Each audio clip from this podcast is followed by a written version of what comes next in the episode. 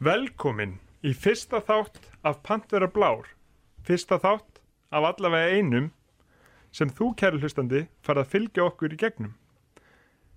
Hlustendur hafa verið að spyrja okkur í gríð og ergi gegnum gemilu okkar. Hverjir erum við og akkur ætti þú að hlusta okkur?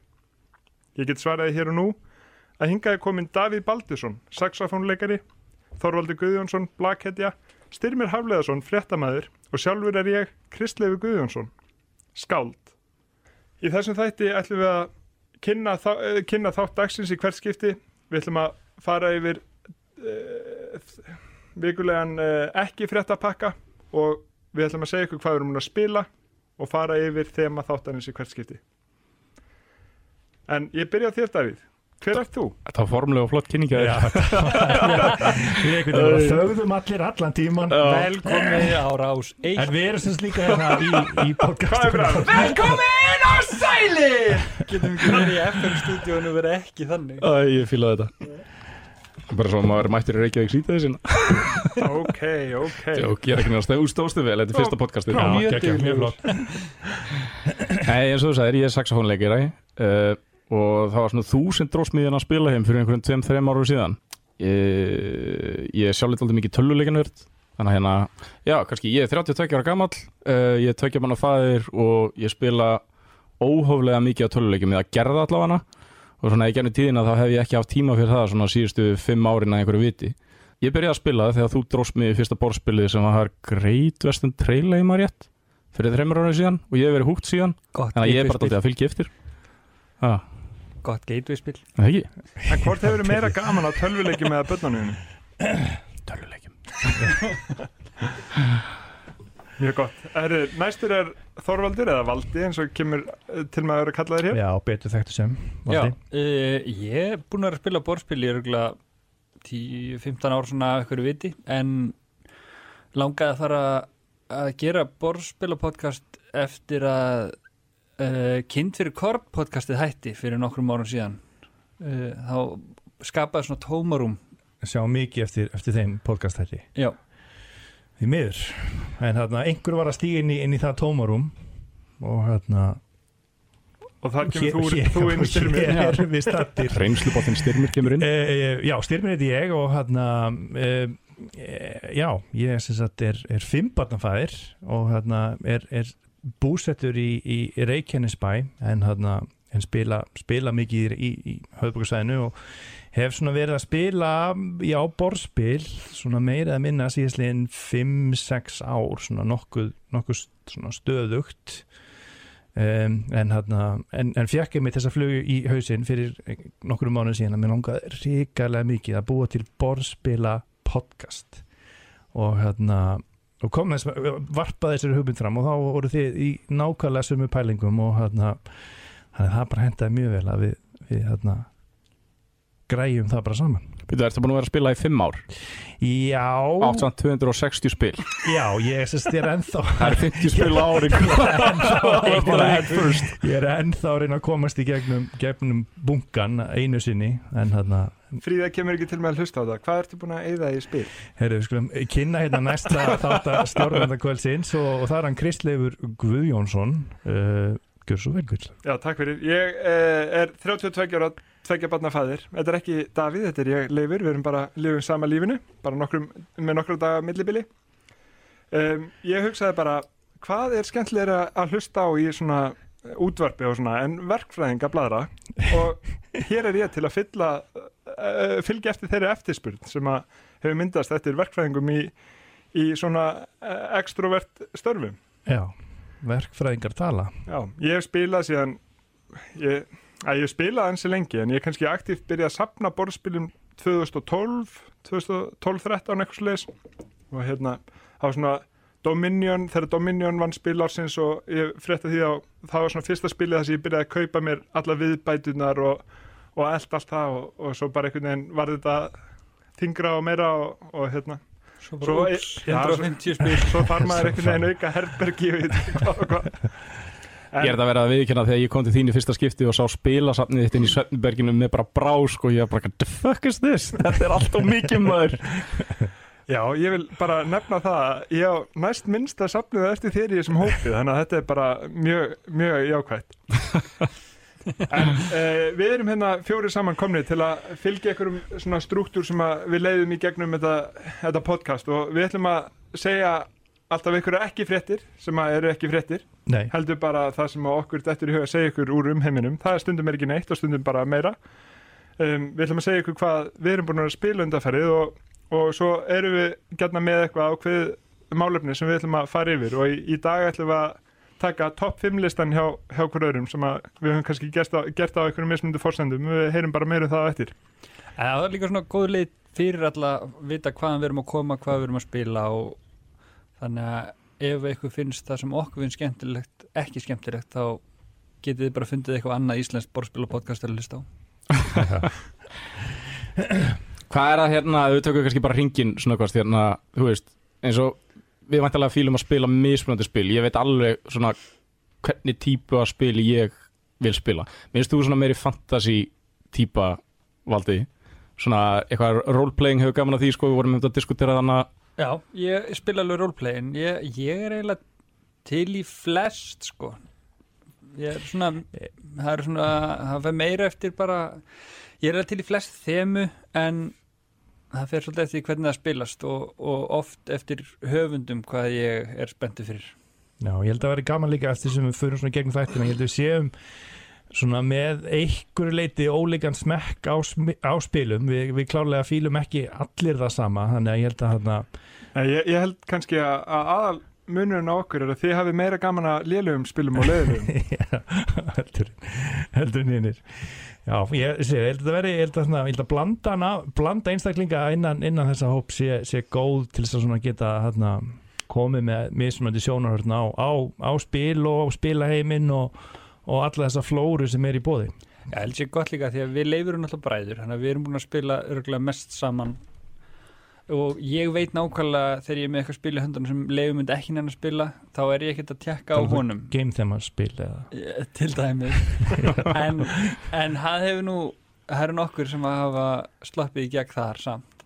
En líka þú veist þegar maður er með eitthvað sem bara já ég veit að leifur myndi elska þetta þá getur ég hringt í hann og svona. Og sem er fyndið þetta, svo eru við bræður og hann segir mig, þú myndir fíla þetta og segir mig frá því og oft hugsa ég samt nei. Og svo hef ég bara yfirleitt mjög rátt fyrir mér þegar ég er búin að spila það þannig að það er mjög gott að hafa eitthvað svona sem að ótar eitthvað á manni sem að maður myndi an- annars ekki spila sjálfur og við, við höfum svona reynda að byggja upp söfnun okkar þannig að það, það er ekki rosalega mikið af, af eh, tvítekningum í, í söfnun, söfnunum okkar ekki nema kannski í svona tvekkjumannaspilum og, og ódýrari eða svona minni spilum mm -hmm. Já. Ég satt fórðan að vita hvað triggeraði þið það byrja að spila fyrir fimm ára styrir mér Sko ég, bróði minn er, hann, er, hann er eiginlega svona hann kom mér einmitt, þegar við tala um bræður sem koma öðrum bræðurum inn í, inn í spilaheimin, borðspilaheimin, þá var bróði minn, hann, hann hlinur, hann hann var mikið að spila Magic á sínum tíma, þannig að Magic the Gathering spilið og hann var komið svolítið djúft inn í það og, og hann var svona aðeins byrjaður að að kynna sagt mér og, og konu minni og, og krökkunum aðeins svona fyrir spilum og hérna og fyrsta spili sem hann raun og verið kynnt okkur fyrir var, var Lords of Waterdeep. Og hérna og við bara, "Að, þetta er eitthvað það er eitthvað þarna það er eitthvað í gangi hérna. En, en svo einhvern veginn hef ég þann, þann persónleika já, brest mögulega þannig að ég einhvern veginn feb bara all in sko. það er eitthvað sem ég fíla Er þetta alltaf maniskur þú ferði eitthvað. ég, ég, en já, ég er bara stekk bara all in og hérna, það er svolítið gafin að segja frá því. Þegar ég var að byrja sem sagt að, veist, ég bara, ok, þetta er geggja það er bara fullt að geggja um spilum og bara alls konar þema og, og hérna og, og ég ætla bara, ég ætla frá in. Þannig að ég sem sagt flýti bandaríkina og hérna Næ mér í 250 Ég bara- spil og ég bara, ég fótt í ég bara bandaríkina let's go og, og ég veist, ok ég, er er fæta bandaríkina og, og spil þar er aðeins ódýraði en ég ætla bara, ok, ég ætla bara svona kickstarta safninu núna og bara svona kaupa svona nokkuð spil sem ég sé eru vinsætt fyrir og BGG, hvað er svona top 100 á listanum og eitthvað sem mistur er cool og eitthvað og ég bara, og ég bara fer bara og gerir bara eitthvað pöntun. Og hérna, og svo er ég bú, búin að senda pöntununa og búin að greiða allt og, og allt í góðu og og, og ég fer svona aðeins að ok, þetta er svolítið mikið að spilum samt sem aður, ég, ég ger mikið alveg grein fyrir því, þyngd og umfangi og eitthvað sko. Og hann að ég sem sagt fyrir bara og tek öll spilum saman, reikna sem sagt fyrir bara gegnum hvert eina spil, tek sem sagt stærðina á kassanum og þyngdina per spil. Og það bara kemur mjög fljótlega í, í ljós að ég er aldrei að fara að koma þessu þessu spilum sem sagt í flugvélina aftur til Íslands nefn að fá einhverja hjálp. Og hérna ég var sett að ferast með hérna öðrum aðla sem ég var með svona fóra rástöfnu og ég ringi bara hérna það er smá vesen í gangi. Ég hérna ertu að fara að nota báðar töskuna þínar? Og hann bara neina ekkert mál. Ég er bara þú bara hérna mátt fá þar töskuna. Og ég er ekki flott flott, flott. Þannig að við fyrum út mætum, en, en hvað með fyrstu töskun? mætum mætum sérst í búðina og hérna og ég sérst bara kynni mig og segir ég er að sækja hérna pöntum og bara já ok, fá, já þú ertu þú já. Bara, svo bara byrja kassatnir að streyma fram einhvers þar á bakvið og, og hérna og það var í bandreikin og hann spyr mér hvort að ég sé að fara að stopna spilabúð ég bara nei, nei, nei, ég, nei, nei, ég bara okkur fjölskyldur finnst gaman að spila. Okkur finnst svo gaman að spila ég, ég, bara wow og hérna en þetta tókst, það, það er sagan að því þegar ég kickstartaði spilasatninu mínu sem að þarna já, ég þurfti þrjár ferðartöskur og, og endilega ef þið er að panta á netinu og allir að sækja einhverjum staðar passiðu gráði spil eru bæði þung og fyrirferða mikil uh, Ég er með, með tvær spurningar þannig að þetta. Hvað voru það mörg spil og hvað á besta spilið sem þú férst það? Sko þetta var örgulega, þetta er örgulega slagað átt upp í 30 spil Shit. sem voru keitt bara á einu bretti og, og actually á einu bretti þetta með að vera um, Alltaf ekki verið Rage sem var svona úr þessum svona upprunlega pöntun sem ég gerði sem svona stendur ennþá upp úr hjá mér En varst þú ekki með Kickstarter versuna Blood Rage? Jú, það var, ég þurfti eldast í það á eftir á þannig að ég, ég náði ekki Kickstarter Já, ég bara, bara búin að vera á einhverjum hátna hotnum internetsins að reyna að leita að, að Kickstarter útgáðunum af, af Rage sem ég misti af. En hérna e, varandi svona kaupa sér erlendir svo þannig þá er ég búin að læra það að ég fara til SN að þú getur spara mikla þyngd á því að puncha spiliðin áður en þú flytur það heim að því að allir pappin sem þú hendir er greiðilega þungur líka. Ég, Það er, tengist þessar sögur líka og það er nákvæmlega, ég er búin að reynið út og þyngdilega séð. Ég var, var í, í Florida á rástöfnu í viku og ég kláraði rástöfnu svona fjörum daginn fór beint heim að puncha og slífa allt, þannig ég satt upp á hótelherbyggi alla dagana meðan ég var úti að ég vissi að ég þurfti að losna við smikla þingd og ég gat og ég pönsaði og pönsaði og pönsaði 30 spilin og basically sá ekki sólina þangu til bara ég var á leiðin aftur upp á flugvall Þá kemur lifehack. Af hverju gemdir ekki að slífa öll spilin og keftiði bara eitthvað frakka með stóra vasa þar sem gemdir bara 400 kilo slífum sem þú þurftir fyrir allir þessu spil Til þau verið geggja að vera leitað á hann á flugveldinu bara hvað, herri, já, hvað er það með var svona það er með 10.000 stokkað einhverju drasli. Bara, já, er þetta að spila með þessu? Nei, þetta fer utan um eitthvað annað setna En talandu um það, ég með, ef ég er með spil í töskunni og er, er að ferðast og er með það í sagt, svona karján tösku. Mér finnst ég alltaf vera stoppaður. Ég fæ alltaf eitthvað svona, taskan feitir hliðar það er einhverjir einhver teningar og það er eitthvað vesen í gangi í töskunni eitthvað mjög óæðilegt og, eða, ekki óæðilegt, óvenjulegt allavega í töskunni og mér finnst nánast undartækningulegst ef ég er að ferðast sagt, með spil í Carrion að ég sé tekinn til þér. Ég er alltaf með spil í Carrion, ég er aldrei tekinn til þér Já, ok, það var kannski bara, það var kannski bara ég. En hvernig segir bandaríkjamaðurinn nafnið þitt? Storm, það er bara Storm. Valla les hann Stormer og hugsa bara, já ég ætla bara að kalla hann Storm hann fýla það Nei, nei, það er Steermere það er svona, það er mjög vinsalt Og Half Littleson. Já, Half Littleson, Steermere, Half Littleson. Já, mér er Porvaldur er það eftirljótt með öðlum pinninguninu í spil? Getur verið. Poor Valdi. Mjög gott, mjög gott. Um, En strákar, hvað hérna við, við fórum saman í borðspila bústað, ekki fyrir svo lengur síðan. Þar uh, spiluðu fullt af góðum spilum. Um, er eitthvað sem að ef við tökum ring og tölum kannski um eitthvað sem við erum búin að spila?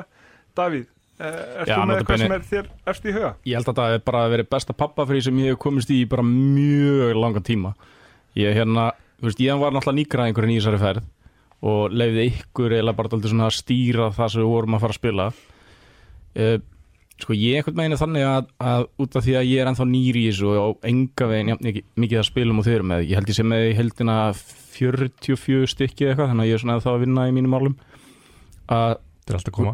Mér, mér langaði eiginlega bara að prófa eitthvað nýtt.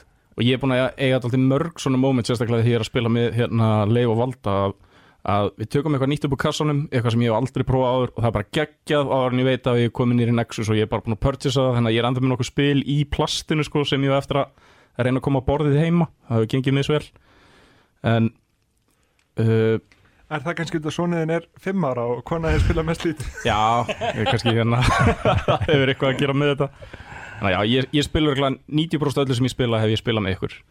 Þannig að hérna, en, en hvað, við tókum nýju spil í er ný, nýju mismundi titla, já. Nýju mismunandi titla, já. En tókum 40 spil með bara til öryggis.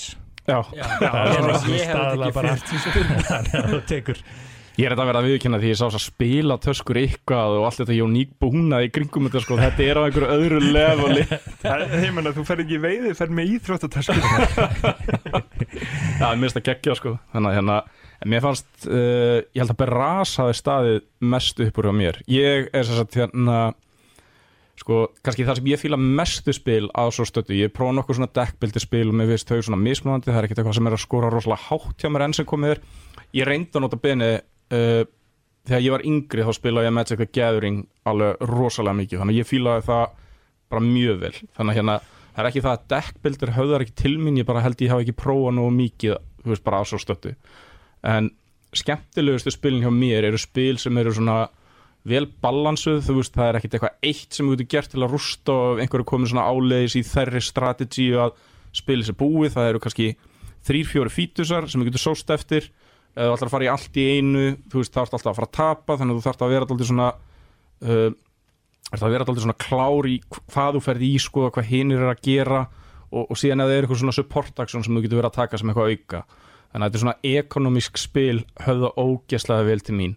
Það sem ert bara að sapna stigum eftir einhverju leiðum og að spila sér vel balansa þess vegna held ég að Great Western Trail hafi verið geggja svona byrjunarheitur hjá mér. Og það er einmitt bara spil sem er með svona þrjár megin leiðir sem þú getur sóst eftir. Þú getur verið að skemma fyrir hinnum og síðan ertu með svona auka fítusa sem þú getur tekið upp og, og næltir og eitthvað. Og mér finnst bara að vera svona það er náttúrulega ekonomist spil að einhverju leiti en það er svo mikið á svona uník svona featurum í því sem mér fannst ógustlega skemmtlegt eins og hérna uh, mér fannst hérna sagt, í spilinu þú ert að byggja uh, byggja eitthvað á borðinu að það sé þetta hjól sem er að snúast. Þú veist sem er svona time factor element í spilinu það er eitthvað sem ég hef ekki upplifað áður. já. Og, og, og það sem gerir það svolítið einstakt er að, að tíminn líður ekki neitt nema þú byggir eitthvað meira sem að er bæði geggjað og óþórlandi Já. og kannski það, það að það sé svona óþórlandi gera það svona geggjað. Já, og einu svona resursarnir sem þú ert að eyða er í rauninni peningarnir að því að hitt er bara að koma aftur til þín. Þú ert bara að komitta einhverja hluti í einhver tíma. Mm þannig að já, það, það stóð alveg massíft uppur hjá mér og veist, það er alveg spil sem ég er að fara að kaupa. Uh, það var svona í fyrsta sæti og Maracaibo sem er helviti nálagt eh, Great Western Trail, það er svona önnur útfæsla á því en samt svona sniður að mörguleiti, mér fannst það mjög gott. Og síðan Beyond the Sun. Já. Já, ég er sammála, ég með, með bara við tölum að sunna eftir mitt bústæðaferðina hvað hva spil stóð svona helst upp úr og ég, það er hjá mér. Með að bara standa mest upp úr þar og, og alveg eins og segir, þetta er svona sérstaklega þetta spil gerir það sem þetta er pínu eins og þetta sé svona lokað hagkerfi, það sem byrjar með ákveðna byggingu, þú getur bætt við fleiri en þú byggir eitthvað til svona byggingu hún læsist inn í einhverju svona tímahjóli sem að snýst og þú nærði ekkert að byggja þessa byggingu aftur fyrir þau búin að fara einhvern ring og hún losnar aftur og þá allt í einu getur þú byrjað að byggja hann aftur. Þannig að ég er saman á geggja spil sko. mm og svo horfið maður á borðspilið eða sem sagt, spila borðið í, í fyrsta skipti maður hugsa bara, já, já, já, já, ég veit nákvæmlega hvað ég ætla að setja byggingan mínar. Setja niður byggingarnar, byrjar að spila og svo eftir smástund bara ah, þá áttar eða því þú vissir ekkert hvað þú ert að gera. Ég veit að það er líka sko. þetta vatn rennur þangað Já, en ekki hingað. Já, og það er kannski, við kannski tala beint um það en spilin alltaf virkar þannig að þetta er semst, vatn sem rennur niður og, og þú ert að reyna að byggja semst, svona stíplur að virkja það með stíplum já, já. og, og fá rafmagn úr því og síðan veituru semst, vatninu inn í, inn í veitur sem að þú átt til þess að þá að fá um, það var ekki stig, þetta var sem sagt Orku. Orku, já, sem, sem, verða að stigum. Hljóman eins og bara borlíkjandi að íslenska þetta spil sem veitu spilið. Já, nákvæmlega, og ég mitt, ég, víst, það er sum spil sem bara algjörlega, víst, ég, næ, mér finnst ég náðum bara strax. Og þetta er eitt af þeim spilum og mér fannst einhvern veginn bara, ég geti bara vinna í HS veitum bara, ég bara morgun, bara sækja vinna í HS veit ég veit nákvæmlega hvernig það virkar vatn kemur niður, þá þarf að veita þið eitthvað inn í einhverja versmiðu ég, get- ég byrja kljóðan átti fyrir máli Já, nú, nú mæta. við líka að, að styrmi kemur frá suðunni sem það talar um áherslu Já, já, já. En, Ég get alveg geggjað undir. Mér fannst þetta besta spili sem við spiliðum í þessari ferð. Já, Já, ég kannski eitt sem ég fannst líka svona uh, frekar sérstakt er að, þú veist, yfirleitt þegar maður er búin að spila eitthvað spil einu sinni þá ferður tilbaka og hugsaður ok, næst ég er að fara að spila þetta spil þá er ég að fara að gera þetta það sem er alltaf sérstakt við þetta spil að því ég er búin að spila þetta einu sinni, ég get svo sværa að ég veit ekki alveg hvað er best að gera í þessu spili. Nei, og mér finnst það geggjað. Já, þannig algjörlega. Það- það hérna, reyndar pínu óöppilegt að, að við sátum hann að vorum að spila þetta og, og hérna, það eru svona mismundi, svona variable player power sem að maður byrja með í byrjun og við, við gerum eina reglu vittlis að, að við heldum að við byrjuðum allir með þetta. Þetta er eitthvað sem maður unlockar setni í spilinu. og, og ég En það skil eiginlega henda okkur já. öllum jafn vel samt er það ég, ég skildi ekki. bara ekki hvernig ég var svona alvarlega lélugur í og, lélugur að finna lausnir á mínum málum þegar, þegar ég gæti ekki notað mína hluti allan tíman en, en ég hafði stór gaman að þessu. Ég Já. held að þetta sé alveg klálega einna toppurinn í þessum ferðum. Algjörlega. En uh, Valdið, þú, þú tekur Já, ég uh, Ég kom með hérna til Kenu, Obelisk of the Sun sem ég haf, var búin að spila tvis var áður en við fórum í þessa ferð en bara finnst frábært spil. Uh, það er búin að skipta skoðanur um kannski hönnuðin Daniel Tessini út af hans kommentum á, á samfélagsmiðlum en þú veist ég held að við séum ekkert að fara í það neitt hérna en spilið mjög snjált það er svo að place a workera og taka aksjón sem eru byggðið á teningum sem, eða í rauninni þú ert að drafta teninga í rauninni ekki að place aksjón hérna workera og, og það er allt einhvern veginn tengt þessu óbeliski sem snýst og eftir þessu snýra óbeliskinu þá hafa ten, teningarnir mismöndu vægi eftir, eftir litum og svona og mér finnst það bara ótrúlega snjált hva, hvernig þú þarft að taka þínar ákvarðanir bæði út frá því hvað aðrir er að gera og og hérna og hvernig teiningarnir lít út hverju sinni. Bara sjúklega skemmtilegt og fjölbreytt spil.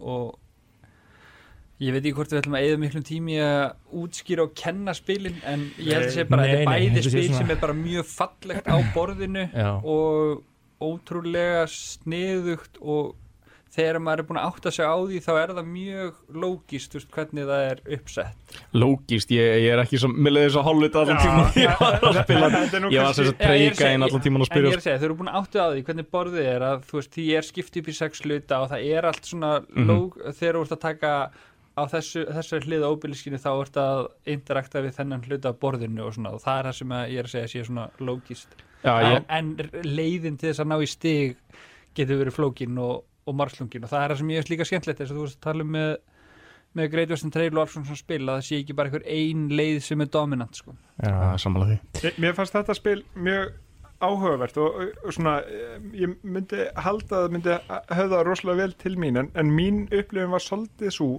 að ég fekk bara enga tilfinningu hver ég var eða hvað ég var að gera.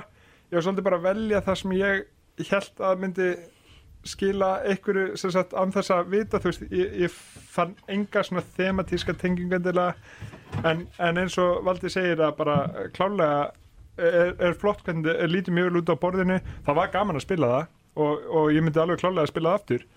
En, en það sem ég fannst eh, mekanismin sem, sem náði mér mest sem mér fannst flottastur var að, að þú ert með eh, eh, sem sagt í kringum þess að styttu ertu með ákveðin svona actionsöku eða ákveðina teiningasöku tekið og það snýst svo og, eh, og breytist millir ránda þannig að þú, er, þú situr kannski og hugsa já í næsta randi þá ætlum ég að gera þetta.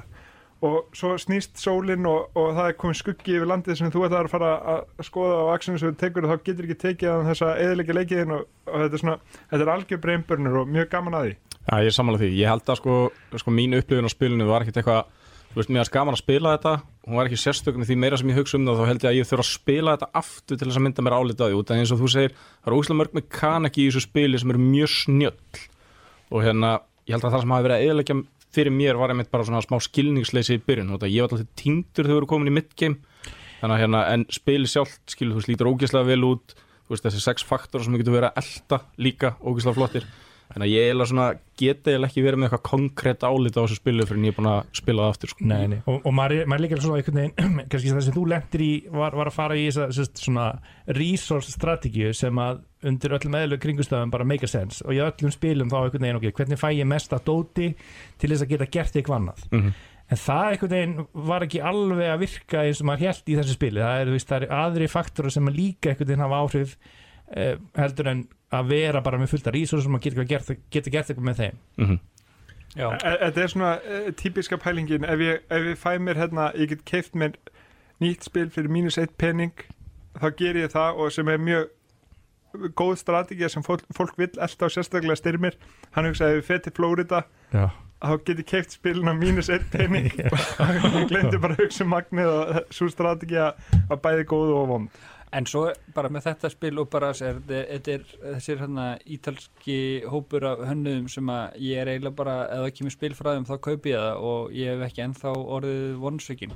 Kannski sísta spilið sem ég spilaði eftir þessa, þessa þennan hóp er kannski Trismegistus en það var samt alls ekki sleft. Nei, mér finnst það gott líka já, Það var bara svolítið fylli og þú veist, flóknar eða þurfti að vera.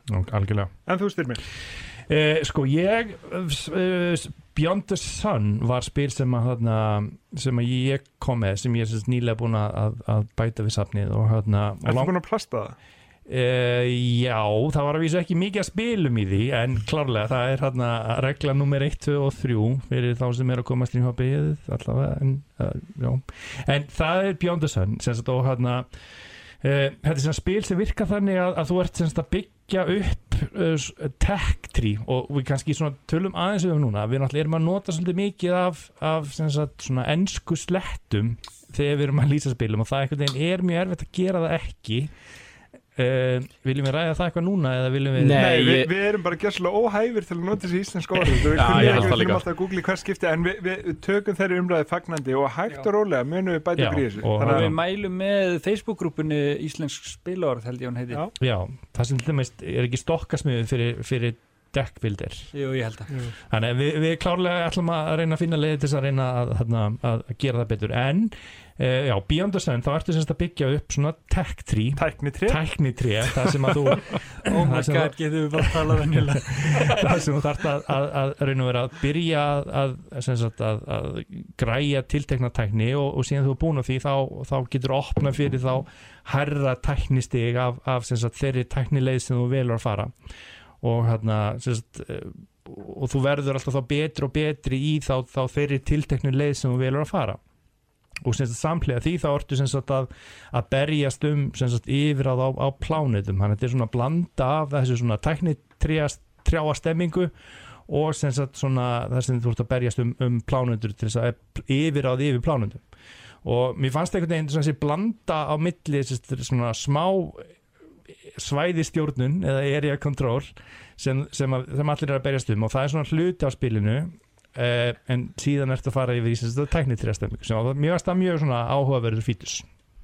Já, ég samla því, það er sko mér fannst nefnilega þetta spil vera nefnir dálítið skemmtlegt út að maður var sagt, þegar þú ert að tech tría þá er engin að fara í sömu tech trees. Við vorum allir í mismunandi svona leiðum eða orðað þannig. Já, þú veist, sem við vorum að fara í. Það var engin að elda neitt þannig að, þú veist, það myndaðist aldrei svona skilu, hver og eitt spilari var í rauninni ákveðni sérstöðu í ákveðnum þáttum. Já, var betri í einhverjum ákveðum þáttum heldur hinnir sem, svona, sem meikar sens að því ef um leið og byrjar að elda og þá ertu yfirleitt þú veist, sá sem fer fyrstur á tildinu leið, hann er komin einu skref á undan, eiginlega sjálfkrafa. Mm -hmm. þannig að þá eiginlega svona, þá fóru bara allir hína leiðinar einmitt til þess að vera svolítið samstíga á, á sínum leiðum. Mm Ef einhver er að hlusta og vill selja þetta spil þá má senda mail á panterablára.gmail.com og ég er til í að kaupa það. Já, Já, uh, mí, mín upplifun á þessu spili var, var uh, mér, mér finnst það eh, gott spil, mjög snjált já. Uh, myndur þú segja að þín upplifun hafi verið góð allan tíman eða, eða, eða sko, svona svona- svona til tímum það það má spilsins segja sko að ég byrjaði kannski á því að að vera eh, örlítið illa fyrir kallaði sko. en svo er mér bara bent að það að ég geti fengið mér eitt gráan og það myndi allt lagast Nei, nei, þetta, þetta var sagt fyrsta spilið eitt morgunni í, í borðspila bústæðanum Já. og, hérna, og ég vaknaði rosalega hess og bjóti pönnuköku fyrir alla Já, um, Bacon og egg og varst rosa og va- orkustíðið var vel hátt lengi vel. mjög hátt, en það vaknaði bara einn og, og hérna, svo bara vakti ég ykkur það er alltaf klárt og allir hessir og svo bara byrjuði að spila, allir búin að borða og, og þá kom heimsókn. kom bakslægið og þá átt að kenna mér þetta sem ég hekk, hekk pínu kannski fram á borðinu. Um, ég vissi ekki alveg sko, hvert ég ætlaði svona til að byrja með. En, en hérna, ég, ég náði spilinu uh, hægt og rólega og, og svona byrjaði svolítið bara að, að gera eitthvað en, en svo ég, ég fílaði spilið og mekaníkina sko. það sem að það, sko um, Ef þetta hefði verið að í staðin fyrir að við erum að fljúum geimina við erum siglum eigir í væri þá hefur það elskað þetta spil. Já, nei, ég, ég er semst á móti geimnum. Uh, Safna Nei, kó kókusnetum Já, kókosnutur er geggjað uh, Mín upplifun var svolítið svo að ég hefði verið til í að hafa bara gamepartin, það sem area controlið er, það sem við erum að fljúa og berjast og ná plánundum og svona. Sápartur er það sem er fallegt á borðinu og það er bara lítið, lítið hotn af borðinu, svo er risa borð og það, það þarf að leggja út þessi spil sem að er taka heilt spilaborð og sem eru þessi, þetta tech tree og það er ekkert artwork og það er ekki þú veist, eh, þetta er rosalega basic svona Þetta- þetta, útlítandi. Þetta er svolítið exilskjala stemming. Já, þe- þetta er það og, og það er kannski það sem ítti mér í að það er til svo ógeðslega mikið að spilum sem gera alls konar, kannski ekki akkurat þetta. Þetta er, þetta er nýtt í, í þessari tech tree pælingu, Já, þar sem tech tree er, er aðalmekanismin en, en ég hugsaði bara, þú veist uh, þetta var áhugavert, mér leittist ekki að spila þetta og, og svo, svo bara fekk ég mér eitt gráðun og mér leið betur. Það var þetta og hérna og þú veist, jáfnvel þegar við vorum að klára þetta þá var ég ekkert langt fyrir að vinna þetta e, og, og þú veist, það var ekki vandamálið heldur hugsaði ég bara já, mér fannst gaman að að taka plánundunar Já. hitt, hitt var bara ekki svona já, ég levelaði eða þú veist, já, já. Og líka skemmtileg nótkun á, á teningum, þú erum aðeins að tala um teninga á það, en þarna eru sem sagt bara teningar, svona fjö, fjölnota teningar, það er nú, þú getur, þetta sami teningun getur verið sem sagt vinnumar, getur verið gameskip og, og getur svona verið mismöndir hlut og þú ert raun og verið að nota teninga en, en nánast aldrei að henda þeim, það er aldrei raun og verið svona random faktorni í hvað teningurinn gerir, Mhm. þú bara velur þessi teningur er þetta. Já, en það sem að eh, kannski gleymist að nefni í að, að tech-tree tekur svona mikið pláss það er náttúrulega líka worker placement svæðið. Þú ert að Já. setja workerina á tekkin sem er búið þar í víla þannig að það þarf alltaf líka að taka smá pláss að það er líka upplýsingar á spjöldunum. Mhm. A- algjörlega en, en spjöldin eru samt full size spjöld og þú veist, það var, stóð ekkert upplýsingar á, á Nei, þessu spjöldin, og, þú veist, þetta hefði ekki þurft að vera svona flott þú veist, sko. þetta, þetta var bara svolítið eins og productionin hefur flýtt og, og við erum bara að spila það mikið af virkilega top notch spilum að þetta náði ekki alveg þangað fyrir mér Já. Þetta ángraði mikið neitt en þú veist, ég er alveg samlega þú veist, að þetta eru mjög basic spjöld Já, ég held samt sko að þetta spil býður upp á geggjað potential í eitthvað svona hérna Expansion. Nei, í expansionu, skilu, ég, ég er þetta sammála því ég hef verið til í að hafa til dæmis hérna það sem voru að ná í plánutur og úrustina sem voru að eiga sér stað það ég, það, það, ef það hefur verið aðeins starra konsept þú veist, það voru alltaf fjóra plánutur í rótringu þar sem við vorum að berjast, þetta verið sex plánutur eitthvað aðeins meira uník ég held að það hefði gefið spilinu meira krydd en ég var ekki að upplöðu þetta þannig að, að hérna En- að, að, að í rauninni tech-tríði var eitthvað að skemma fyrir, að þú veist, það var ekki mín upplöðun allavega. En þar sem þið finnst þessi hluti af spilinu skemmtilegur þá er ég með rétt að spila fyrir því til að spila næst. Já, sko já, ég, Space Corp. Já, ég er bara hlakka til að prófa það. En ef við förum í eitthvað meira En, svona, þú, en þú, Leifur, þú ert eftir að segja, hvað, hvað svona, hvað stóð upp hjá þér? Mér, mér langaði mitt að hoppa yfir í það. E- ef að við höfum bara tekið þetta og farið að sigla um í Karibahafinu og hérna Sól og, og verið einhvers staðar við, við fyrir silt fyrir utan Maracaibo. Maracaibo. það væri frábært. Já, við byrjuðum á Maracaibo sem er Alexander Fyrsta spil. Um, og Alexander Fyrstir er svona minn maður. Um, fyrir þá sem hafa spilað Great Western Trail þá hefur þetta upp á margt svipað að bjóða. Og um, þetta, þetta spil var svona bara, ég, ég horfði á how to play vídeoið og ég hugsaði bara já, þetta, það er alveg sama með hverjum ég myndi spila þetta nei, ok, ég, scratch that. Ég, það er ekki alveg saman með hverju við myndum spila það en þetta er spil fyrir mig og ákveðum fór, og hópa fólki.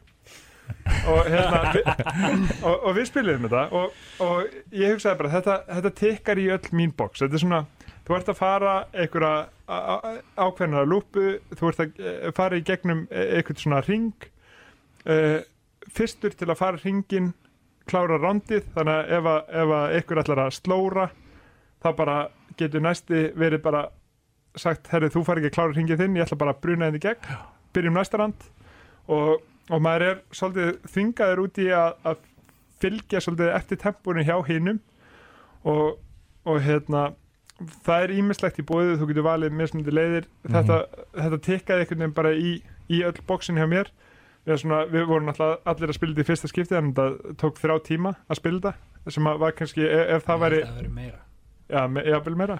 Að, Það að, er þú svona veist, þrýra hálfur, já. Já, að, að þú veist, það er of langu tími ef það væri sta, að staðaldri en ég hugsa að við varum fljótur næst. Þrýr og tíu. En þetta er náttúrulega að tala svolítið um að þetta sé eða ekki svona stóri bróðir eh, Great Western Trail svona svipuð svona stemming þar sem þú ert að fara, fara svona ring og, og síðan er ykkur endastöð og hérna Já, Losnar við þessi leiðinda beljúspjöld já, Já, sko, og, og í staðin fyrir í, í Great Western Trail þá ferði hring og svo byrjað þú bara aftur á, á byrjunarreið þannig að byrja allir á byrjunarreið þegar fyrstu fyrir hringin þannig að, og, og hringurinn er talsveit lengri. Já, um, uh, og ég myndi segja sko stóri bróðir, þetta er kannski á, í flækjust í að pari við Great Western Trail með expansion sem er, er við Great Western Trail í dag. Já, og hérna og þetta er bara eitthvað sem ég myndi alveg klálega vilja ná að borða aftur. Það, ma maður velur sér mismundi leiði, maður getur farið að ákveða að berjast í einhverjum sjóurustum stu stutt eitthvað ákveðið land. Uh, það er Fraklands bátn og, og England sem er að berjast uh, í nýlendunum og, og hérna uh, maður skora stig fyrir það, maður getur farið að leita í frumskoðunum í, hérna, í, í Suður Ameríku og, og skora stig fyrir það maður getur farið í að eiga hérna, ambassadora hér og þar eða aðstofamenn sem eru staðsettir á mismundu stöðum í, í hérna, Karibahafinu og, og bara býður upp á alls konar býður upp á alls konar möguleika. Já. Og það er kannski svona punktinni sem, það, sem það lýsir svolítið hvað eru margar leiðir til þess að fá stig og, og það kannski lýsir svolítið minni upplifin að þessu spili. Mér fannst, þú veist, ég var að horfa yfir, yfir, yfir spilið allt sem ég gætt gert og með leiðpínu eins og þú væri bara, þú veist 37 svona snúandi hjól bara upp í loftinu og þú þarfst að reyna að velja hvort þú fyrir þessa leið eða hina leiðina og, og meðan eftir að reyna að halda jögla einhverjum fimm boltum upp í loftinu einhvern veginn. Og mér fannst ég aldrei almennilega ná utan um spilið sem er svona pínu óþægilegt. Eins og við erum talað um, um Barras þá svona spil sem ég bara einhvern veginn greip strax. Ég bara fattaði strax hvernig það virkar og bara fór strax að gera sem ég langaði að gera ég var svolítið lengi með Marikaipo að ná svona lendingu hvert ég vildi fara hvað ég vildi gera því mér fannst svo mikið vera í gangi á sama tíma. Já, ég held að þetta sé bara mjög, mjög rétt. Það, og, og bara líta borðið bara s- er svona, já, ég held að ég sé nærði að skilja hvað ég ger í þessu spili heldur en í Marikaibo, alveg klálega þingra að læra, jafnvel þó að Brannisla vinnur okkar hafi gert sitt besta. Að kenna okkur það. kenna okkur það. Oh my god sko Hvar fundu Branislav? Branislav, hann klikkar ekki, hann klikkar ekki. Ef þið læra spil þá ferðu á, á YouTube og leita Branislav, hann, veginn, hann, hann er ekki með neitt vesen, hann bara fer yfir það sem þú vita og hann ekki, ekki alltaf samt yfir allt sem þú ert að vita en svona mest að því sem þú Já, ert að og, vita. og ekki endilega þeirri röð sem verið hendu að nei, staði nei, best. nei, nei, nei, nei. En allavega það sem hún er dættir í huga að segja. En, en e, nú, nú e, ef við kannski fljótum yfir í, í topiki núna sem að, sem að hérna, er að þessu sinni eitthvað sem að margir mörg önnur stór borðspila podcast eins og við sjálfur býða með lengur en við ætlum að gera við ætlum að vinda okkur beint í topp 5 listan svo að fólk átti sér betur á, á því á hvern okkar þá eiginlega hlusta Ætlið ekki að ræða Galaxy Trucker eða? Ætlið ekki að taka það fyrir það? Nei, ég held að Ekki- þessum Það veit ekki maður kannski næsta þetta Já, Ætlum við að taka, þú veist, fimm hjá öllum, fjórir eða þú veist, ég veit taka eitt í einu eða Já. eða fimm fimm, nei bara fymta sæti hjá öllum fjórða sæti hjá öllum okay. og, og e, um leið og, og þú veist ef ég segi fymta sæti hjá mér er og segir titill þá segir einhver býð með það ef það er ofar á lista hjá öðrum. Já, og ef það er á sama stað þá segjum við bingo. Já, það er skemmtilegt. Bingo, ok. Ok, það er Bingo. mjög skemmtilegt að ef það. ef það er sagt sama spilið í sama sæti þá er það bingo. Já, annars er það, já, við ætlum að býða með Og þá það. verðum við að skipta um sæti Já, Já. ok og þá er þú orðin skollin Já, og þú verður að breyta um upp alls spil ok, muni á því að tala um við vorum svo mikið hjólub í loftinu maður gæpa og mér líði pínu eins og sem að lenda þar aftur. Hver ætlar að byrja? Ég skal byrja. Ok, Valdi byrjar. Og ekki fara bara, bara, bara, bara, bara hérna. Þú fyrir bara hringin Fyrir bara hringin Já, Valdi styrmið legur ég. Ok, let's do this.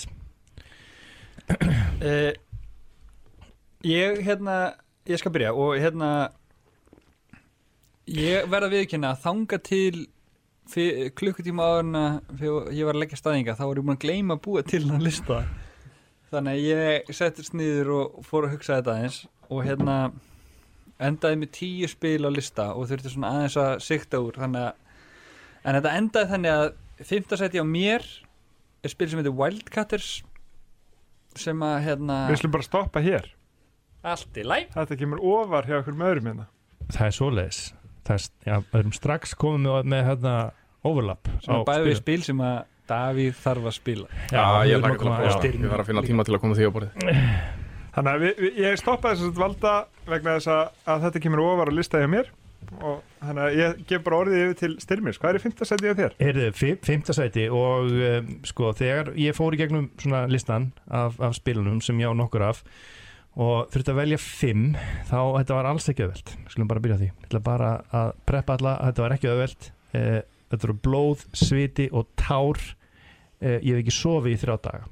Bjóstu til þess að top 30 lista og narraði það niður í top 25 og síðan bara, ég hvað er ég að gera? ég byrjaði í top 300 og, hana, og vann þessu niður svona hægt og bítandi. Þannig að um, en eftir alla þessa vinnu þá í fymta sæti ákvað ég að setja spilið Orleans Nei, minn maður, það er í 15 seti hjá mér líka. Í erf er það bingo? Þú ætlar að segja Bingo. Bingo. Bingo. Það er bingo. Wow. Ég var ekki að hlusta. En fyndið, það er sko ástæðan, ég er bara búin að spila þetta spil einu sinni Já, En mér fannst þetta geggjað spil. Þetta var held ég spil nummer þrjú sem við prófum með eitthvað Og það er búið að vera á Amazon stokklistanum mínu núna bara í eitt og hálft ára eða eitthvað. Já. Þetta er geggjaspil Það er ógeðslega og, og við hefum ekki, veistu, áður en við, áður en við mættum hérna vorum við ekki búin að tala neitt um hvað hva var á þessum, á þessum top 5 lista. Þetta er þetta mjög fyndið. Það er bara bingo bara strax. Bingo.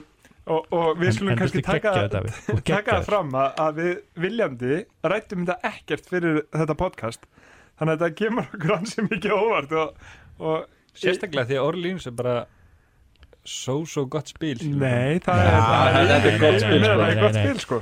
Það En ég heldur að þetta verður spilað að tvisa sko. solid, solid 7,5 7 Nei, 7,5. Ég er þetta sko, ég Og þetta er ástæðan fyrir því þið þurfum ekkert endalega að hlusta það sem valdi sig Ég er þetta sko eitt ekki blóðsveit og tár í lista minn sko. Ég gerði þennan lista á svona tvei mínútur meðan ég var að borða pizzu En hérna, ég vissi samt Nú ertu bara alltaf grafindan hlustandan í dag. Nei, alls ekki sko. Ég, hérna, ég vissi alltaf að þetta væri í fimmtarsætti hjá mér eftir að við byrjuðum að diskutera þetta messenger fyrir einhverju síðan.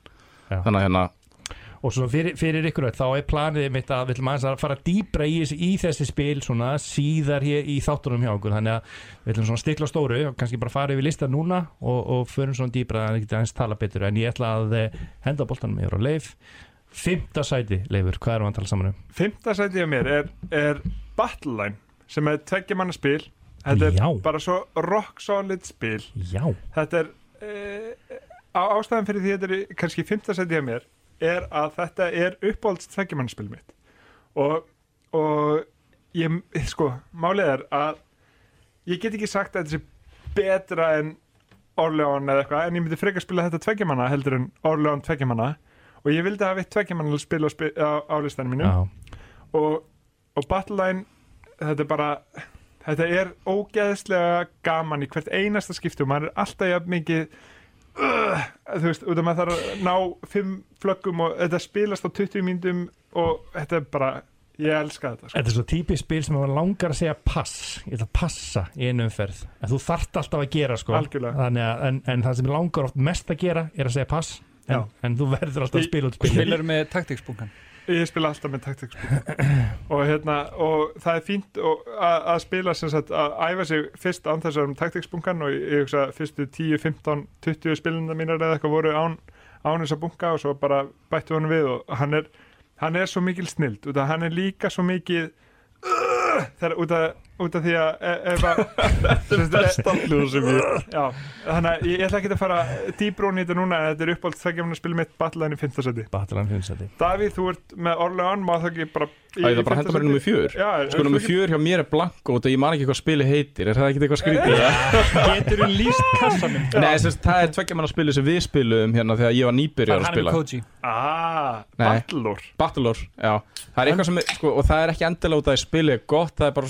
Ah, Það það Það þykir vænt um það. Og það er sérst við, hvað, Great Western Trail spilum við fyrst Spilum við þetta síðan næst Og, og þetta er ekkit eitthvað Þetta þetta er enga Battlelore veginn second edition. Þetta er, Já, er þetta, já, já, ég, Já. ég spila þetta við. Það er bara mjög fínt spil, Já. er ekki? Þú svona map Jú, stjórnspil og það er hansi gott sko. Með taktik, eða svona spildum sem er Já. og, og þetta er notabene svona spil, sko, þú veist, það ert ekki vanur að spila Það ert ekki eitthvað svona vanur að fara í þungspil og eitthvað slíkt, sko Það er þetta bara geggja tveggja manna spil sem er svona tiltölulega casual Þú veist, þetta er ekki, þetta er ekki alveg Jú, þetta, þetta er casual Þú veist, þetta er ekki it to ride létt, skilur, en þetta er aðeins þingra en þetta er samt alveg svona, Alveg svona þú fer ekki um eitt how to play vídeo og þú átt að vera með þetta eða svona nokkurn veginn á hreinu, sko. Já, þú spilar þetta á klukkutíma og, og þú ert að, þú veist, það eru teiningar, þú veist, það er ekkit endilega bestu gauri vinnur heldur, þetta er svona, þú veist, þú, þú gerir múvin, þú, þú eigur líkunar á sigri, Mhm. en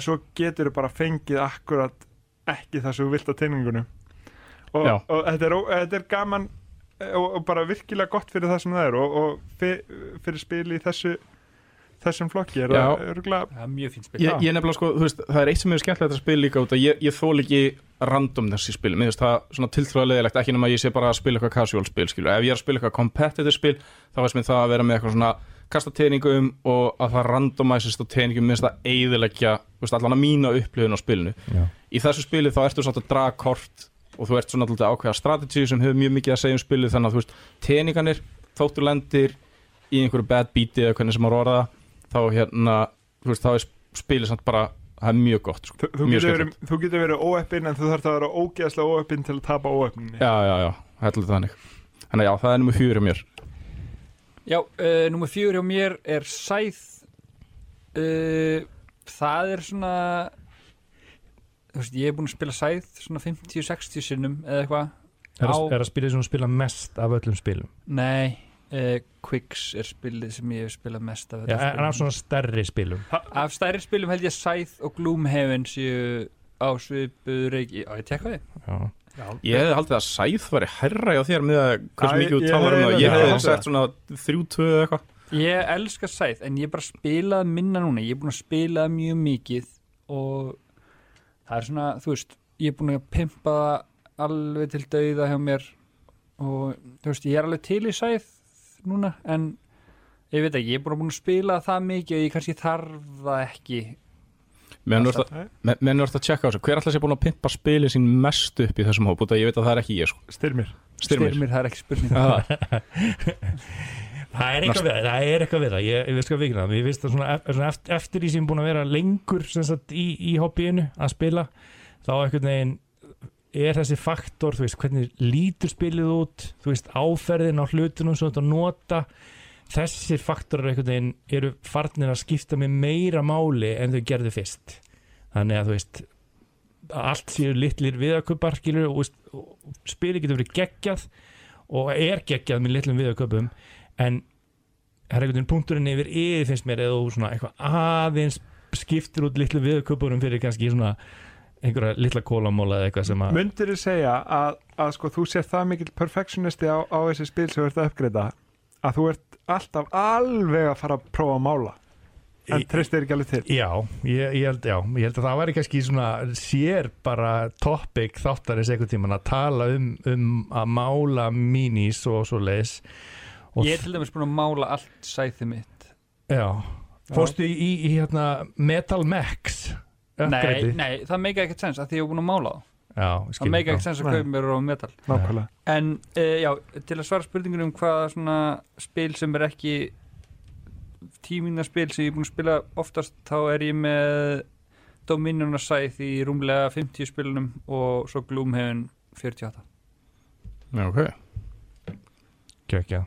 Uh, En svo langmest spilað er Quicks er með tæplega 100 og 70 eitthvað í hann með Koji sem er klárlega langbesta tveggjumannarspilið En styrmir í, í fjóruðarsætti að þér? Í fjórasættu mér er spil sem að eh, var svona eitt af fyrstu spilunum sem ég svona spilaði einhvað viti eftir að ég svona byrjaði að, að komast svolítið inn í, inn í borðspilaheimin. Uh, og það er spil sem heitir Grand Austria Hotel sem er í fjórðasæti hjá uh, styrmiðhaflega sinni um, og mun fara eins dýbra inn í það spil en, en kannski ástæðan fyrir því að það er á þessum topp 5 lista er einmitt þetta, þú veist, fyrsta ástin einhvern veginn, þetta er bara fyrsta spili sem ég tengdi svona rosalega við og bara fann svo geggjað og teningarnir einhvern veginn og kasta teningum og hérna, þú veist þurfum allir síðan að vinna úr úr niðurstöðum á teningunum saman, þú veist, það er ekkit ég kasta og fæ eitthvað og þú kastar og fæ eitthvað heldur bara, þetta er staðan um, en fyrsta ástin Grand Austria Hotel Þetta er mjög sambarilegt og hjá mér með Battleline sko. Ég spilaði Battleline fyrst 2013 og ég verið að spila það fyrst getið í dag Það er ekki sensaður í 5. sæti að mér sko. Nei, Já, ég manni um því ég spilaði hjá þér þegar komið heimsótt í Nóri og ég kefti mér það og ég held ég spilaði kannski einu sinni síðan ég, kom, það Já, Ég, ég gríp ennþá í þetta, ég held að ég sé með eitthvað 60 spilinir eða eitthvað það ég, er Battleline Já, nákvæmlega. En fyrsta ástin, Grand Austria Hotel. En, Leifur, fjóra sætja þér. Fjóruðarsætið mér er Wildcatters. Sko, Valdi bróðir hann, hann sagði mig Þú ættir að spila þetta spila, þetta er frábært spila Þetta er Wildcatters.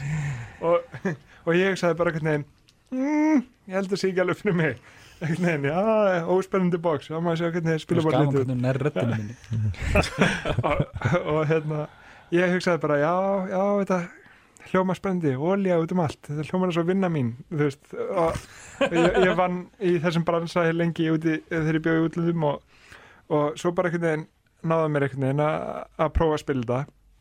Og ég hugsaði bara, god damn it þetta er ógeðslega gott spil. Og svo var ég búin að spila þetta og svo hugsaði ég bara þegar ég var búinn það er ekki séns að mér hafi fundist þetta eins gott spil og mér fannst þetta eftir fyrstu spil þannig að við spilum þetta aftur. Og goddammit, þetta var bara ógeðslega gott spil. Og sko það, ég, ég bara get ekki sagt einn hlut þar sem ég hugsa ég myndi gera þetta frekar ef ég er að þú veist, hann þetta spil eða svona tuði eitthvað, mér finnst þetta bara ógeðslega gott spil. Og eiginlega eina ástæðan fyrir þetta er ekki ofar listanum mínum er ég hef bara spilað það tvisvar Þetta fóð með í bústæðinu og var ekki diggið bús Nei, þetta er erum að taka bara þetta frekar með næst. óstæðandi spil.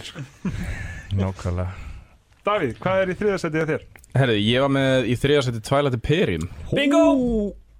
Nei, byrjaði bingo líka Í alvöru Bingo, þannig að þú ert með þetta í sama sæti Ég myndi þriða Sama Má ekki bara bjóða ykkur um að tala um þetta saman? Ok, ég, ég ætla að taka Jú. bara svona rétt ára við fyrir mig Kanix að spilna Ástæðan fyrir því að þetta spil er í þriðasætti hjá mér er að sko ef ég ætti að segja hversu djúft ég er komin hún í spila nörda grifjuna þá er ég náttúrulega ekki komið að blant og þið. Og ég hugsaði þetta einhvern veginn sko ok það, það eru klukkutíma spil, svona casual spil ég var í því, nú er ég komin í svona tveggja, þryggja, fjagara tíma is spil sem við erum að spila sem eru svona, þú veist, bæði létt og þung með alls konar svona mechanics sem er hægt að spila og ég fíla það allt. Það er einhvern veginn svona mitt level að spila. Ég hef aldrei spilað neitt sem tekur tíu tíma að spila og þú veist, það er alveg bara svona nýra áfangi í raun að komast í. Þú veist, var þetta að vera í, ég hef ekki spilað Dungeons, Dungeons and Dragons, ég hef ekki spilað roleplaying, ég hef ekki farið í eitthvað svona djúft og ný eitthvað svona ímyndunar heimi eða neitt slíkt sko, þannig að ég er ennþá þú veist, hvað er ég rankaður, kannski fjarki fimma í, í spilanörda svona enguna gjöf Ég held að þú sér bara á hraðri upp Já, ég er að hraða upp, mjög sko. hraðari Ef upphæð. ekki að kalla það bara solid 7 Já, já, já. ok, solid 7, takk fyrir það.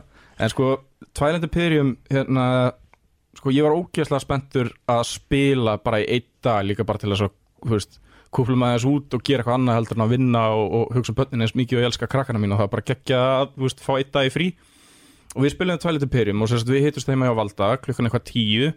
Um Eh, morgunin um morgunin, og voru bara svona að- chilla og spjalla og spila þetta spil. Og ég get svo svarið að við vorum ekki rosa mikið að taka okkur pásu frá spilinu sjálf við vorum rosalega soknir inn í hennar leik og þessi tíu tímar eða svona níu tímar rúmlega voru eins og þrýr tímar. Þetta, þetta bara leið. Og allt við þetta spil var geggja það sem ég fílaði mest við þetta líka er þessi diplomasía, þessi pólitík sem einhvern veginn svona þú veist, skiptir ógæslega miklu máli í þessu spili.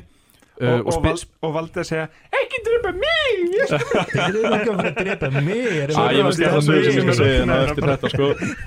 En, en þetta var sko ok, þetta er gamespil þannig að hérna þetta er gamespil og þú ert að ná einhverja plánutur og safna stiðum og byggja periðin en síðan er pólitíkin sem í rauninni skiptir alveg miklu máli og að vera, þú veist, í þessum hernaði. Já, þannig að þú veist, spilið höfðaði vel til mín út af hernaðinum og pólitíkin var eitthvað svona, ha, ég veit ekki alveg þú veist, mín upplifun og svona pólitískum vangin í spilum hefur ekkert verið geggjaður. Þannig að hérna, en þessi pólitíski vangur bara, þú veist, var geggjaður. Já Og það sem er líka einhvern veginn geggja þessu að þú ert alltaf að byggja upp einhvern brjálaðan her en það er svo ógeðslega unefficient fyrir að fara í stríð. Þannig að þetta er alltaf eitthvað svona kalt stríð þá er einhver verður Já. að taka í gikkin og byrja skilur þannig að það er bara einhver, einhver svona einhver landamæri bara já ég skal gefa þessa plándu en ég, ég verð samt aðeins að taka hérna en við erum samt ennþá vinir Já. Já, já, já. Við- erum ekki ég orðað þetta betur, Ég ætla að sko. koma inn í og vera við hliðin á höfuborginniðni en við erum bara bara, Þú ert í svona köldu stríði allan tíman í geimnum, sko Já, Frábært. Ég, sam, ég sammála því, ég, veist, það er mörg spil sem gera einmitt þetta er svolítið svona, þú ert að byggja upp heri og þetta er svolítið svona, þú veist, svæði stjórnun er í kontról, en pólitíski hlutin í Twilight Imperium gerir þetta spil frá að vera gott spil í að vera geggja Já, ég sammála því Hafið þið spilað, býttu þetta er fourth edition sem við spilaðum, það ekki? Já, ég ætti þörðu þessin líka, ég hef búin að spila það nokkuð sinni líka voru þau alveg jafn góð á þetta? Nei, það, það var lengra sko. Og Við vorum ekki tíu tíma að spila þetta Við Ja, við vorum, kannski tíma. sex til átta tíma að spila þetta spil, fimm og svo tókum við eitthvað á eftir líka Já, og, já, já. og við náttúrulega veist- borðum hérna, átján pítsur og 6.000 póka Haribo. Ég veit ekki hvernig við fórum að þessu sko. Það var svona bara þú, ég og Styrmi vorum í nétunum Já, þeir eru náttúrulega í átaki Já, og Að nammi Hva- hversu lengi endist átakið eitthvað sem ætlaði að vera í bústæðanum strákar? Það var svona, 30 sekundur já. Nei, þú varst mikið duglega sem ég, sko var- ég Styrmi var- spurði ég var- Daví Daví, eru við ekki ennþá með í átakinu? Við, hérna, við erum að standa saman eða ekki? Daví bara, ég var að slátra heilum Haribo póka Daví var ennþá, hann var sko með halvan hálfan pókan af plastinu upp í sér og þegar hann borðaði þetta svo svo þetta var fyrir kvöldmátt á föstudeginum geggja ánar þegar vorum að skipla gælgina og ég meit á hvern- hvernig matastemmingin og ég, er kem bara með sjálf ég veð með netur og þarna, ég er með hérna, fræ og eitthvað tótt sko. og Davíð bara leið bara, hey, jú geggja. Við bara, hérna, ég er nákvæmlega samstað og ég er bara, ok, geggja, við erum bara tveir ég og Davíð bara saman í netunum og fræjunum. Og Æ. þarna, svo bara mætum við inn og fyrsta sem sé Davíð gera beint í harripubókan, halvu bóki bara, ég bara ég verð einn í þessu. Ég, ég vissi ekki að þú verður svo mikið styrmir í, í fræjunum. Uh, nei, já, ég Hann var er svona mjög frægur. Ég ætla að hann segja þetta ykkur fræðingur eða? Þú þarf ekki að svara þessari spurningu. Uh, Hérðu, er, það- er það þriðasæti hjá mér? Fyrst að þið sem Styrmir, voru með bingo, bingo í þriðasæti með tvældi þá ætla ég að henda í um, vinnu minn hann Uwe Rosenberg. Is Rosenberg í Uven Uh, og það er spil sem heitir að Feast for Odin sem að ég ætla að henda í þriðja sæti hjá mér. Uh, ég er samt sko er ekki þú veist, all in UV fanboy skulum bara hafa það alveg á hreinu. Ekki heldur. Um, en en mér finnst þetta spil hans vera gjörsanlega geggjað. Um, þetta er svona blanda af, þú veist að vinnum hann að spila það sem þú setja út fullt af vinnuköllum og þú ert líka að púsla. Þannig að þú fara að púsla og setja út kalla og ég byrð ekki meira. Mér finnst það áhugavert ég bjóst eða við að heyra reverse bingo og ognib út af því að þetta er þriðja síðasta sæti hjá hann valda bróðum minn. Eitthvað á, hinu vendanum Ég held að ég spilaði þetta einu sinni mitt með ykkur og ég það, það verður ekki spilað aftur. Þetta var semst þryggja tíma spil eða tvekja tíma spil og því leið eins og þetta var tíu tíma spil. Var þetta sústemming Já reverse það sem var- að, að Davíð upplifði með ekkert fyrir En veitir, það var ekkert eitthvað, þú varst ítla stemdur, búin að svo lítið, Nei, eitthvað nei, í fúlu nei, skapi Mér fannst þetta bara, þetta var ekki spil fyrir mig. En Valdi, Valdi er þekktur Úve heitir Já, hann á er Íslandi. sem sagt Það hefur verið, hann sko má ekki komin í ákveðna deild í Nexus hann stopnaði Uwe Rosenborg sem sagt heitklubb já, á Íslandi. Já, þetta, Nei, Úvik hefur alveg gert eitt, tvö góð spil. Þetta er frábært spil. Þetta er, Patchwork er fínt, Bonanza er frábært annað er ekkert spes.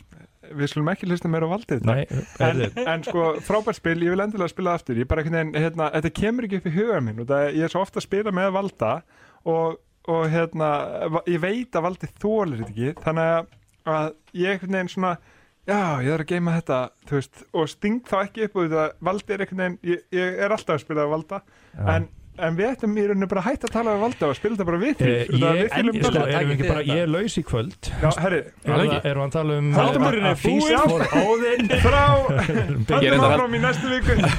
Ég held að við þurfum samt að fara að spýta þessi lónu sko. Þetta er að vera tvekja tíma þáttur. Byrju, voru ekki hún í þriðasæti? Jú, þriðarsætti á á þér. Já, um, þriðasætið mér er Gloomhaven. Lúmari uh, Gloomhaven er ég bjóst hefvel við að heyra bingo eða eitthvað bingo bango, Eh, wingo wango Já, eða stopp eða eitthvað, það er stopp. Stopp. Stopp. það? Gloomhaven var á sérst, þessum topp 10 lista hjá mér sem og var e, fytan sem var skorin af. Já, ég Já, ok. þig, það er bara gott að, að skera það af. Herri Davíð, ég að þér? eða? já, endilega, nei, tvö, já. Já, Tvö. jú, tvö. Númer tvö kaverna. Kaverna. Bingo, já, geggja Á, þetta er satt alveg stór skríti sko. Þetta er þriðja bingoð með dag Ég var ekki að búast við einu bingo sko. þetta er fár, ertu ekki mér að fá bingo með okkur öllum þreymur Jú, ég held það. Já, það er mjög skrítið. Þannig að ég er svona gæðin sem límir allt saman sko. Það sem er sjokkar enda er að þetta er annað úvespili sem við verðum að tala um inn í kvöld. Já, það má segja að þú sett nafnið þessa podcast. Já, ég er aldrei týndur þegar þið fyrir að tala um úfi og alltaf þessa sko,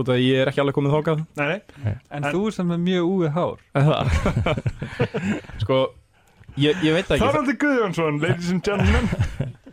Það, sko, það er hérna Sko, Kaverna er á sama tíma kannski, þú veist, með öll spilin sem ég hef spilað Daldið svona sambærilegt svona hinum titlunum, þú veist, mekanikli mjög gott spil, en ég held að þetta sé líka bara smá tilfinningaklám hjá mér, sko, þetta var spil nummer 2 sem ég spilaði, þannig að hérna fílaði það bara í tætlur, Mhm. expansionið við þetta spil geggjað, búin að spila það nokkru sinnum.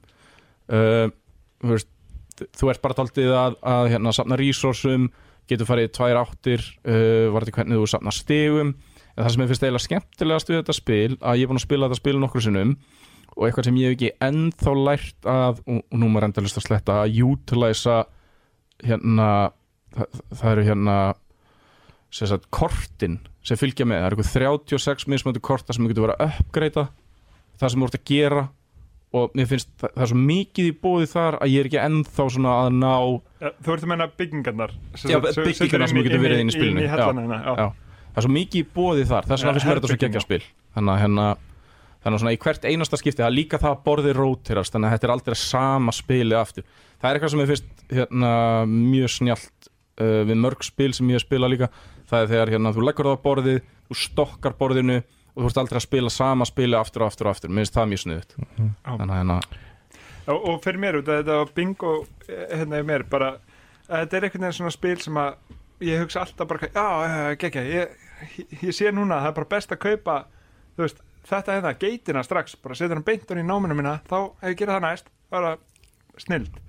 Svo bara kemur geitin tveimur ondum setna og maður er eitthvað ég, ég ætla að kaupa geit og svo bara getur það ég, ég, bara, ég elska þetta svo mikið. Þetta, þú ert alltaf bara að harka og láta dvergana búið til fleiri dverga. Svo þú getur fengið geit og svo er ekki komin geit. Þetta er, ég, ó, bara alltaf þegar ég er að spila þetta spil þá er ég alltaf jafn, hissa hvað maður er fáfróður Já, ég held sko eitt við þetta spil sem maður að passa sá þegar maður að spila það er að láta ekki einhvern eitt fara í warrior face endalust það er svona smá OP sko, það er einhver skemma fyrir því. Já, og, og það stendur bara í reglubókinni ekki láta neitt fara í einhverja strategíu einan hann vinnur. Já, þannig að þú veist það, það er bara fundamental hlutur í þessu spili. Já. En, en að því að voru að tala um haturum minna úi þá hata ég hann ekkert skilur Mér finnst til dæmis uh, tveggja manna útgóðuna bæði af agrikóla og kavörna fínar og miklu betri heldur en hinnar útgáðunar, eða ég nýt þeirra meira heldur en stóru útgáðuna Þetta er stóru risinir Hörru, geggjað. Eh, Erum við komin að þér? Valdi, Já, er ég? Valdi með annað sætið Vistu, Við fengum bingo hérna í, í Uh, annars sæti á mér er brass og ég ætla ekki að gera upp á milli Birmingham með Lancashire. Nei, ég held að það sé aðlegt Hörru, það er bingo. Það er bingo, það er bingo sama sæti. Þannig við erum með, við erum með tvöfalt bingo í öðru sæti. Já, mæ, mætti næstu því segja sko, ég var með splittaðan fyrsta lista. Brass var sko nummer eitt en ég ákvaða að kötta það út Þa, það var í Fór fyrsta sæti og fór í að vera ekki Nei, nei, það, það er svona Ertu búin að spoila fyrsta setinu? Nei, í rauninni ekki sko.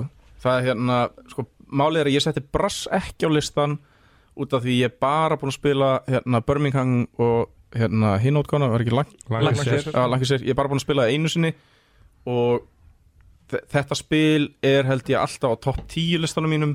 En sko, ef ég ætti að skipta einhver út þá myndi ég skipta Orleans fyrir Brass. Ég skilji En já, mér finnst þetta bara geggjur spil. Mér finnst þetta bæði frábær hafa sína kosti. Mér finnst uh, Birmingham betra ef við vorum að fara að spila tveggjamanna Við leifur höfum spilað svolítið tveggjamanna Birmingham og mér finnst þetta bara frábært. Og, og þetta er eitt af þessum spilum sem að ég elska en ég er ekki góður í. Já, nákvæmlega. Þetta, þetta er svona spil sem að mér eiginlega, mér langar að gera eitthvað en, en ég get ekki gert það. Eða ég má ekki gera það, ég er ekki tengdur einhverju höfn eða mér langar að eitthvað sem það kól og ég kemst ekki kól Já, þetta er típið Já. svona, eh, já, leifur þú þetta að gera? Já, ég, hérna, lætu þetta spil, hoppa hingað, set þetta, já, nei, hvað er allar að fá kóli? Ekki. Já, ok, gef mér smá. já og svo, svo þú veist, er það svona einhverja reglur bara já, bjórin, hann flýgur ef þú átt hann en ef einhver annan þá er það tengdur honum og þetta er eitthvað svona Já, Þa- þetta er, það er erfi, eh, það er barrier, barrier to entry sem er, er, ég ætla ekki að þýða einu sinni, er bara, hann er frekar hár, en þetta er geggjað spil þau komið. Þegar þú er búin að ná því þá Nákvæmlega. eru fá Ef betur þú er búin að ná þessum tenging ég held að það sé, því ég hef verið að kenna þetta spilið mitt þá er það svona flóknast að finnst mér fyrir fólk að ná er þessar að þú veist, þú þarfst að tengjast og tengjast þessum höfnum þú þarfst að tengjast þess að fá kól en já, ge- getur við fengið á þess að vera tengdur einhvern veginn og, og, og Já, koma gæja með það á hestum eða eitthvað. Já, þannig að þú veist, það er svona þú veist, þetta er í raun og veru alls ekki flókispil það er ekki, ekki massa sem getur gert í, í hverju rándi en, en, en tengidótið er, er svona flækisli en, Já, ég held það líka. Ég, ég mitt, sko, þegar við spilum þetta spil upp í bústað, þá held ég að ég væri með hlutina alveg á hreinu, sko, það ég var alveg búin að ákveða hvernig ég ætlaði að spila þetta spil, þannig að við spilum uh, hittbrasspilið fyrir einhverjum þremur, fjórum mánuðu síðan og var ógeðslega spenntur að fá þetta á borðið og ég var einmitt að upplega það sama. Ég hérna, var með einhver svona ákveðna strategi í hausnum, ég ætla að gera þetta og síðan var ég alltaf að lendi því, nei, ég má það ekki af því að, nei, ég má það ekki af því að, það er alltaf þetta er geggja spil, sko. Frábært spil, þá e, e, e, held ég að út af því að þú fegst bingo rétt á og við höldum bara áfram sömu e, umferð er það ekki bara styrmir í fyrsta seti? Er ég að fara að taka fyrst setið? Þú ert í fyrsta seti. Eh.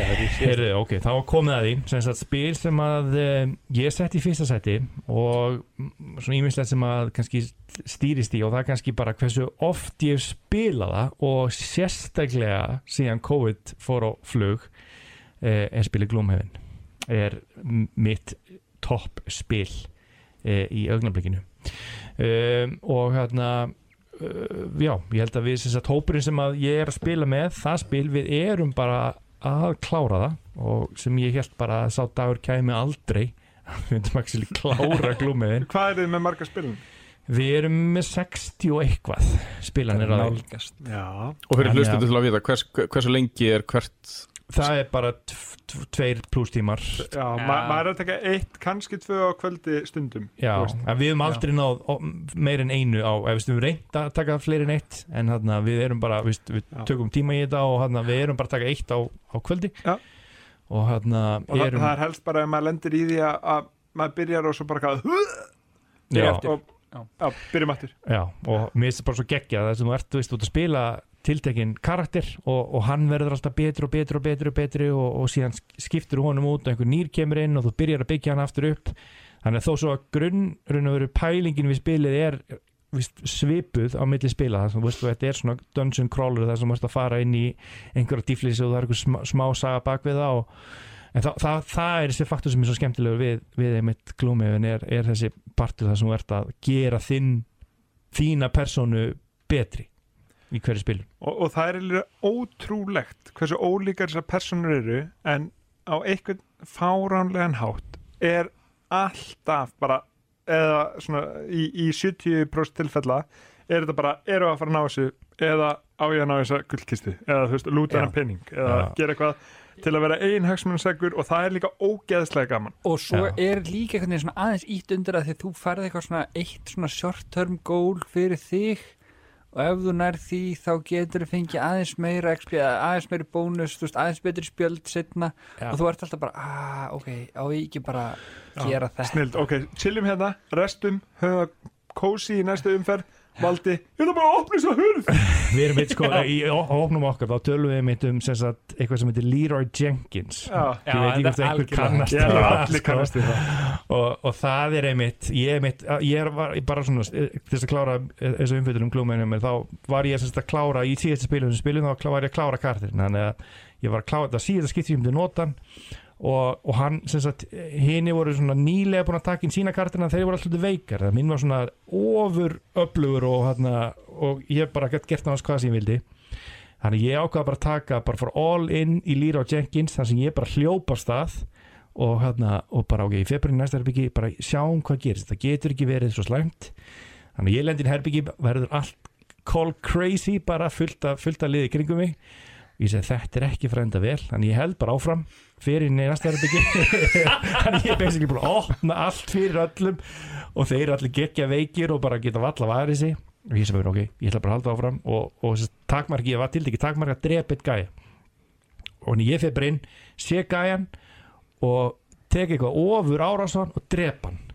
Þannig að bara hálftíma inn í spilið. Þá er ég bara einhvern veginn hljópi áfram hljópi áfram, lenda alltaf í meiri meiri vandræðum og, og bara komið með bara alveg upp á koki alveg frá að drepast og ég held bara áfram og bara endaði spilið. En ég mæl ekki með því að spila klúmið þannig að þessum þú ert bara einn einhvern veginn hjólar í gegnum eitthvað eitthvað scenarjó Svo ég lýsi þessu svona eins og íþróttalýsin um, myndi gera, eða kannski bara leikmaður sem verður með þér, það var einhvern veginn Styrmir, Styrmir, hætt, Styrmir, Styrmir, ekki gera það Styr- Styrmir, Styr- Djú, Styrmir, hætt þessu.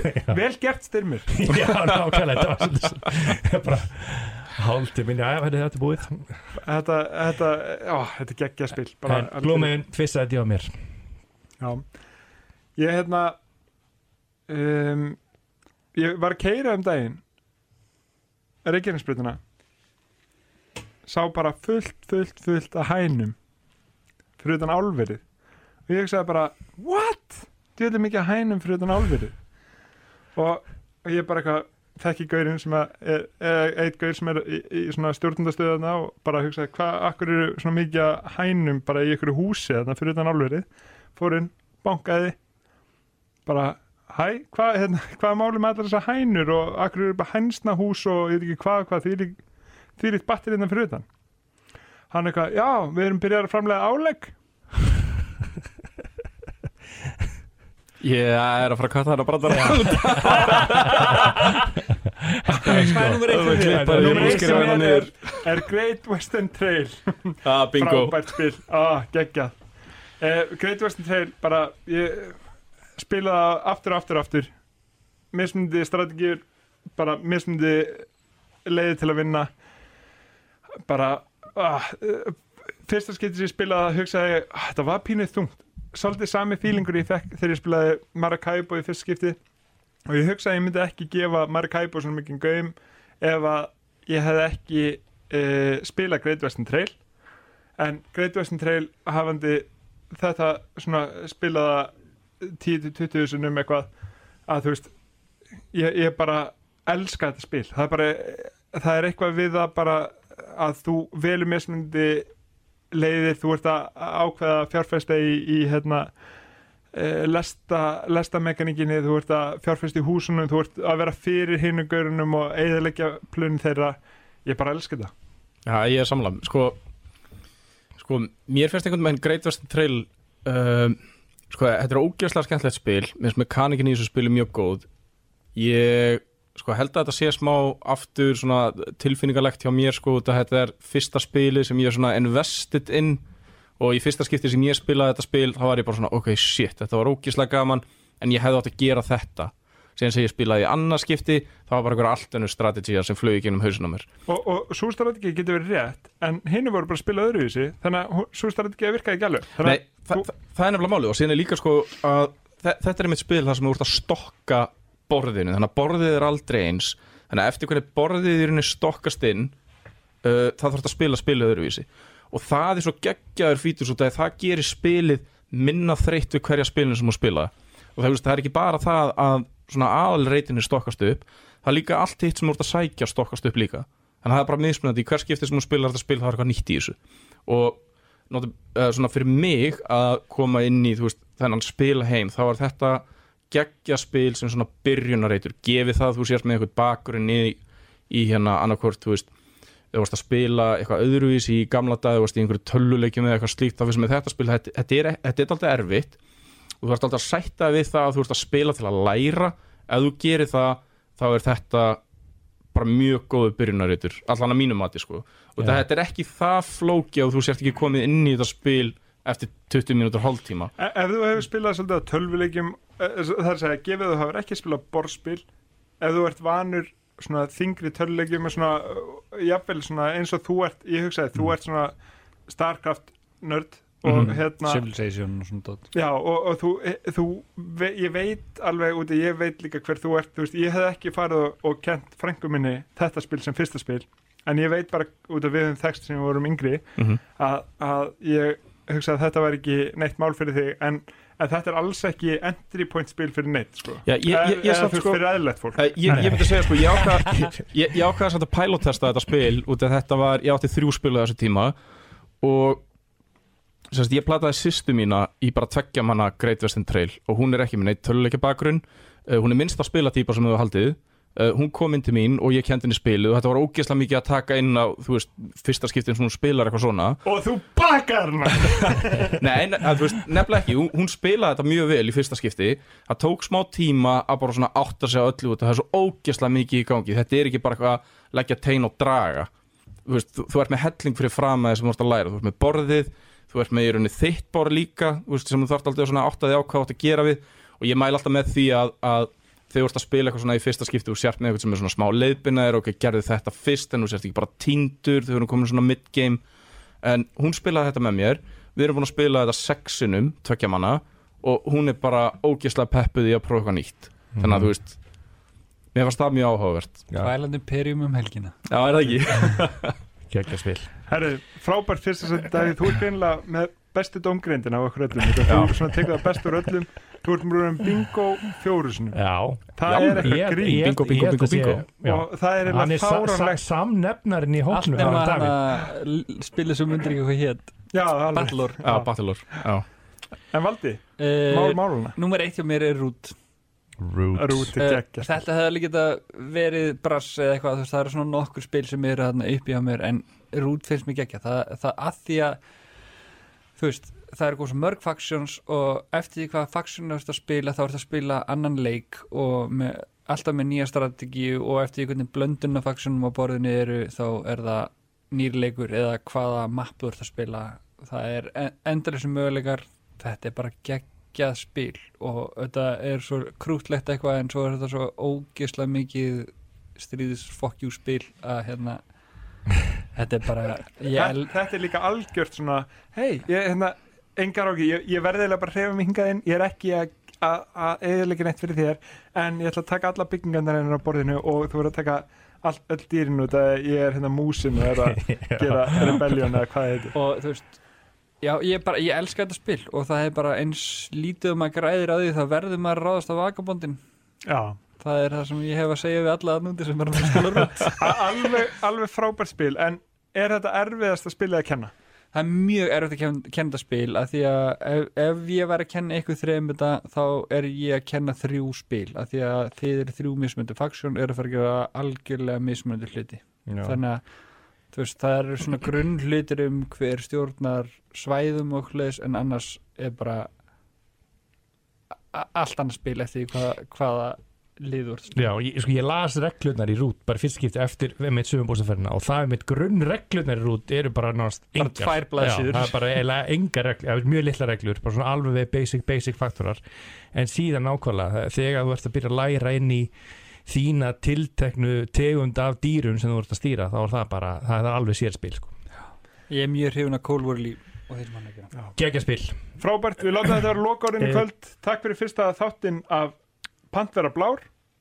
Eh, Það er allar líkur að það verði annar þáttur. Fylgist með, Já, það ekki. Takk fyrir okkur. Takk fyrir okkur. Takk fyrir